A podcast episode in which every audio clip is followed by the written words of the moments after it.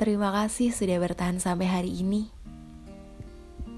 Mimpimu bukanlah sebuah rancangan gagal.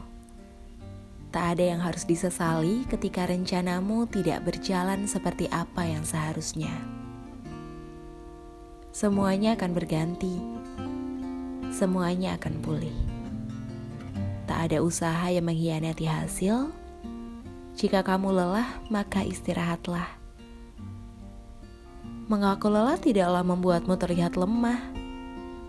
Semua yang kamu alami selama ini akan berbuah indah pada waktunya. Semua berawal dari mimpi.